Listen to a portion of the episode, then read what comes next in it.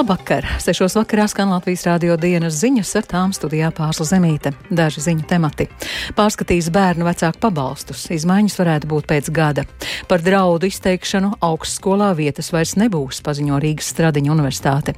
Tusks mēģina panākt iespēju Polijai atkal izmantot Eiropas fondu naudu.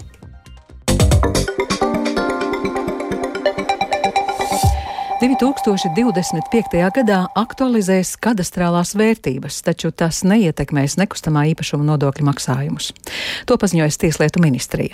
Ministrijā skaidro, ka īpašumu kadastrālās vērtības nav mainītas desmit gadus, un praksē redzams, ka iegādājoties, pārdodot un kreditējot īpašumus, kadastrālo vērtību īpaši neņem vērā.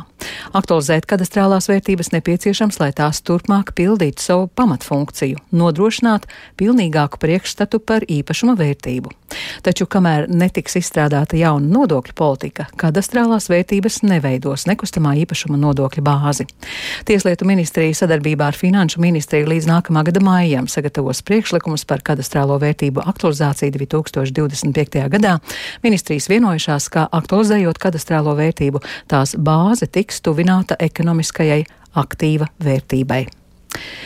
Bērnu vecāku atbalsta politiku pārskatīs. Par to šodien vienojušies saimnes deputāti. Deputāti secina, ka pabalsti jaunajiem vecākiem nav mainīti jau desmit un vairāk gadu. Pārmaiņas rosinājuši paši vecāki. Mana balss iniciatīva savākus vairāk nekā 14 tūkstošu parakstu.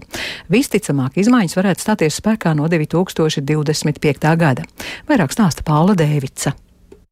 Piedzimšanas pabalsts nav mainījies jau kopš 2003. gada un ir 421 eiro, bet kopšanas pabalsts pēdējo reizi pārskatīts 2014. gadā un šobrīd ir 171 eiro. Iniciatīva pieprasa atbalstu pārreikināt atbilstoši esošajai ekonomiskajai situācijai. Vairāk stāsta organizācijas māmām un tētiem LV vadītāja Inga Akmentiņa Smildziņa. Šobrīd jau ir jādomā, kā veicināt pirmā bērnu ienākšanu ģimenē. Arvien vairāk ir tādu pāru, kuri atliek šo lēmumu. Tas būs tas noteicošais. Protams, ka nē, bet ir ļoti svarīgi, ka vecākiem tiek mazinātas raizes, vai viņi spēs paši sevi uzturēt, vai viņi spēs apkuri nomaksāt kredītus. Būtiski, lai bērnu kopšanas pabalstu piesaista minimālajai algai. Savulaik 2014. gadā tieši tā tas ticis aprēķināts, taču kopš tā laika apmērs palicis nemainīgs. Cits aprēķina veids ir paredzēts tautas attaudzes stratēģijā, kur tas piesaistīts vidējai algu mediānai. Paredzēts, ka pabalsts atbilstu minimālajiem ienākumu līmenim, kas ir 40% no šīs mediānas. Attiecīgi, tie ir virs 460 eiro 2023. gadā. Turpina sadarbības platformas Demogrāfisko lietu centrs vadītājs Imants Parādnieks no Nacionālās apvienības. Arī tiem, kuri nav veikuši sociālās iemaksas, ir jābūt pienācīgam apmēram, lai varētu parūpēties par bērnu. Piedāvājām risinājumu, ka, kam ir jābūt e, balstītam uz objektīviem kritērijiem, nevis uz politisko gribu. Kritērijs, tā sauktais minimālais ienākuma līmenis, Šobrīd pie konkrētiem priekšlikumiem strādā Labklājības ministrijā. Pēc ministrijas aprēķiniem, ja piedzimšanas pabalstu paceltu līdz 600 eiro, tad valstī gadā tas izmaksātu 2,7 miljonus eiro. Ministrijas parlamentārais sekretārs Rēnis Uzulnieks atzīst, ka tā nav pārāk liela summa. Savukārt par bērna kopšanas pabalstu ministrija veikusi aprēķinu ņemot vērā tikai patēriņa cenu izmaiņas no 2014. gada. Tādā gadījumā pabalstu varētu palielināt līdz 248 eiro. Varam daudzas lietas jau sakārtot 2025. gadā, jā. Šobrīd ministrijā apņēmušies cītīgi strādāt pie vairāku pabalstu celšanas. Ar gatavu plānu ministrijas pārstāvi pie deputātiem dosies nākamā gada februārī.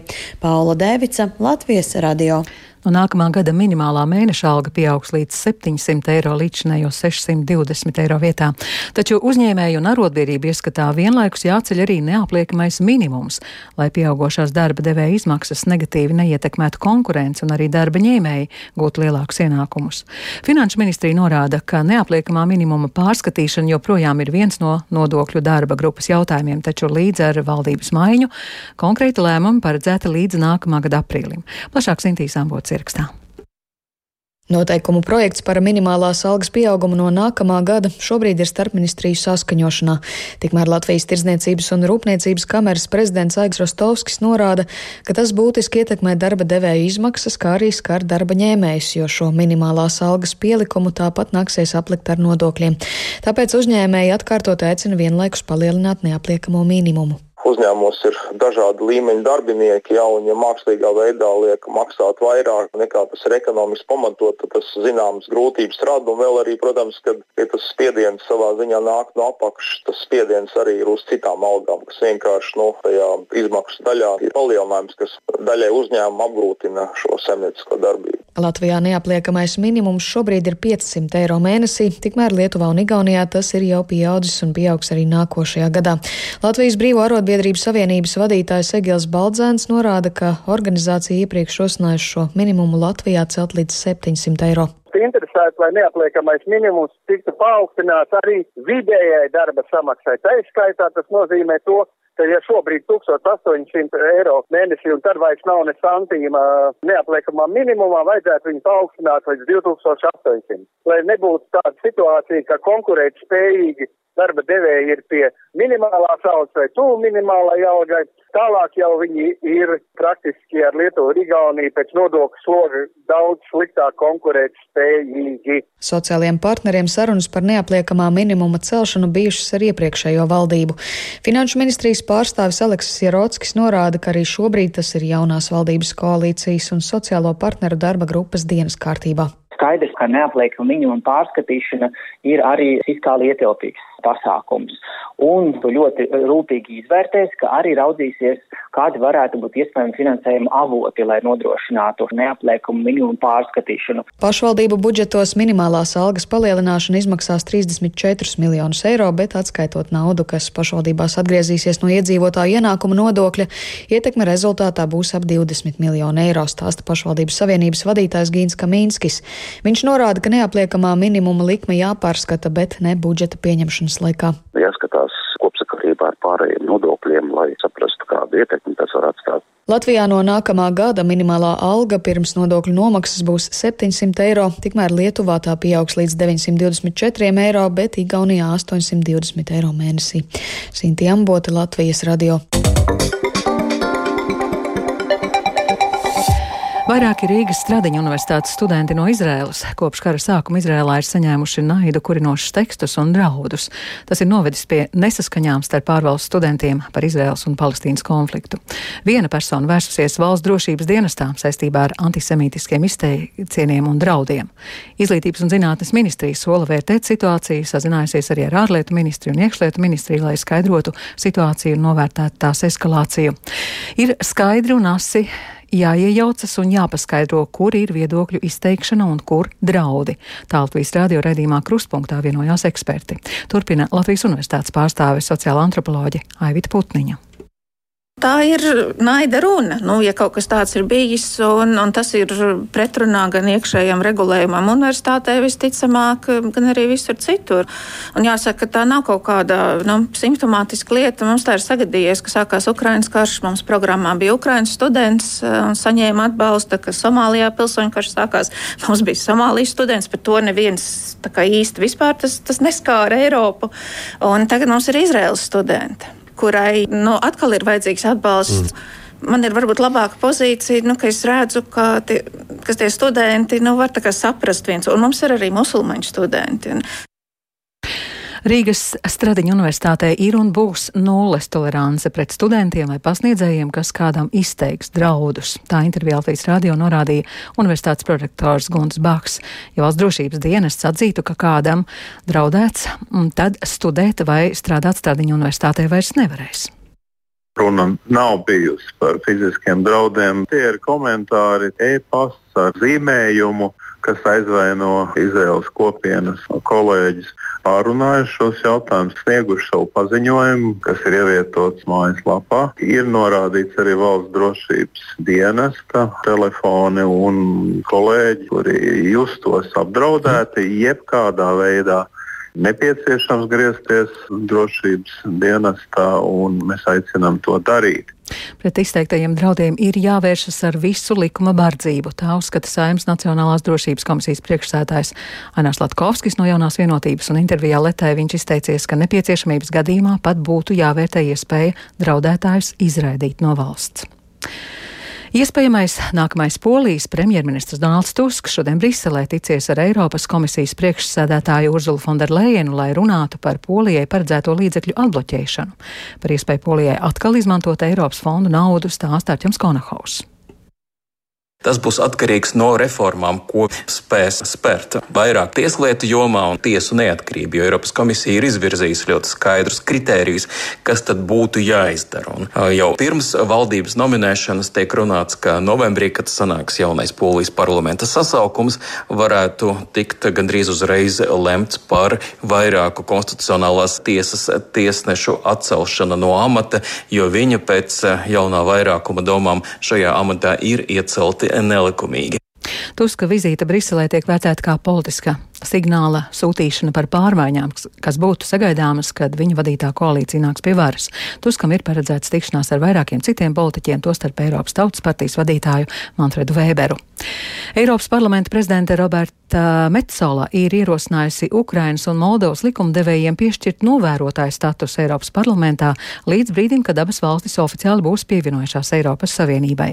Viņas prāt valstīm, kas gatavojas pievienoties Eiropas Savienībai, ir jāpiešķir pagaidu priekšrocības. Turpina Uldis Čēzberis. Metzola intervijā izdevumam Politico sacīja, ka Eiropas Savienības kandidātu valstīm, kuru vidū ir Ukraina un Moldova, varētu piešķirt virkni priekšrocību, sākot ar plašāku pieeju bloka vienotajam tirgumam un beidzot ar iesaistīšanos jauniešu programmā Erasmus taču viņas prāt varētu iet vēl tālāk un iesaistīt Eiropas parlamenta darbā kandidātu valstu parlamentu deputātus kā novērotājus. Viņiem nebūtu balstiesību, taču viņi varētu aktīvi piedalīties savu politisko grupu darbā, norādīja Metsola. Taču tas būs atkarīgs no tā, vai decembrī Eiropas Savienības dalību valstu līderi vienosies par iestāšanās sarunu uzsākšanu ar Ukrainu un Moldovu. Latvijas basketbola izlases spēles vadītājs Jānis Strēlnieks karjeru turpinās Itālijas augstākās līgas komandā Skafati. Par sadarbības noslēgšanu šodien ziņo Strēlnieka aģents Artūrs Kalnītis. Strēlniekam līgumā ir atrunā ar iespēju pamest komandu, ja viņš saņem piedāvājumu no Eirolīgas. Plašāk stāsta Māris Bergs. Jānim Strelniekam iepriekšējā sezona Grieķijas klubā Atēnu AEK beidzās priekšlaicīgi, viņam martā iedzīvojoties Ahilēja cīpslas plīsumā. Vasaras laikā aizvadījis pacietīgu rehabilitāciju un iesaistījies arī Latvijas izlases darbā. Strelnieks tagad karjeru turpinās spēcīgajā Itālijas āsērijā. Viņa jaunā komanda Skafati sezonu iesākusi ar divām uzvarām un diviem zaudējumiem, komandai atbrīvojoties no viena no amerikāņu leģionāriem, lai tā varētu piesaistīt Strelnieku. Kluba vadība izcēla uzsvērt latviešu basketbolista lielo pieredzi augsta līmeņa komandās. Un vēl no šodienas vakara līdz 28. oktobrim, kā arī nākamā nedēļa no 30. oktobra līdz 4. novembrim, naktas stundās slēgs transporta līdzekļu satiksmi Rīgā Lāčplēša ielas posmā no Sateklas ielas līdz Kalupas ielai. Stāsta Rail Baltica būvnieka Bērē Riks pārstāvis Andis Linde. Plānots kosmētiski sagatavot visas sijas un atbalsta sienas, siju un, un sienu impregnantu uzklāšanai un antigrafiti klājumam, tur, kur tas paredzēts pēc projekta. Un šie darbi ir paredzēti vairākas naktas pēc kārtas. Tad sākam trešdienas naktī, 25. oktobrī un līdz 28. oktobra rītam, kā arī nākamajā nedēļā no 30. oktobra vakara līdz 4. novembra rītam nakts laikā Lašplēša iela slēgt. Ja plānotie katras nakts darbi tiks pabeigti, pabeigti kādu mirkli ātrāk, tad mēs satiksmes vadības centram noziņosim. Tad, attiecīgi, tie visās informatīvajās sistēmās, tā skaitā vēzi, veiks korekcijas, un autovadītāji varēs redzēt, ka šī iela ir izbraucama. Un ar to izskan Latvijas rādio dienas ziņas producents Viktors Pupiks, ierakstus montēja Kaspars Groskops par labskaņu rūpējās Rīta Kārnača, ar jums runāja Pārsla Zemīte. Yeah. Latvijas vides geoloģijas un meteoroloģijas centrs informē Rīgā 4 grādi, austrumu vējš 6 m2, gaisa spiediens 761 mm, gaisa relatīvais mitrums 77%. Kāds laiks gaidāms turpmāk, prognozē Toms Bricis. Jau naktī uz ceturtdienu valsts dienvidu daļā sāksies nokrišņi, kas dienas gaitā aptvers visu Latviju. Kurzemē, zemgalē un vidzemes rietumos gaidāms pārsvarā slapdraņķis un lietus, bet tālāk uz austrumiem sniegs, un tur sāks veidoties arī sniega kārta, kas līdz piekdienai visticamāk sasniegs 1 līdz 5 cm. Temperatūra nedēļas otrajā pusē naktīs lielākoties mīnus 3,3 grādu robežās, vienīgi nakts uz svētdienu vidzemē un latgalē var būt vēl par kādu grādu augstāka. Savukārt dienās gaisa temperatūra sasniegs 0,6 grādus, valdošie būs austrumu ziemeļaustrumu vēji, ko svētdien nomainīs dienvidu austrumu dienvidu vējš, un pie mums sāks ieplūst siltāks gaiss, tādēļ svētdienas vakarā temperatūra jau būs plus 4, plus 9 grādi, vidzemes austrumos ap plus 1, plus 3 grādiem.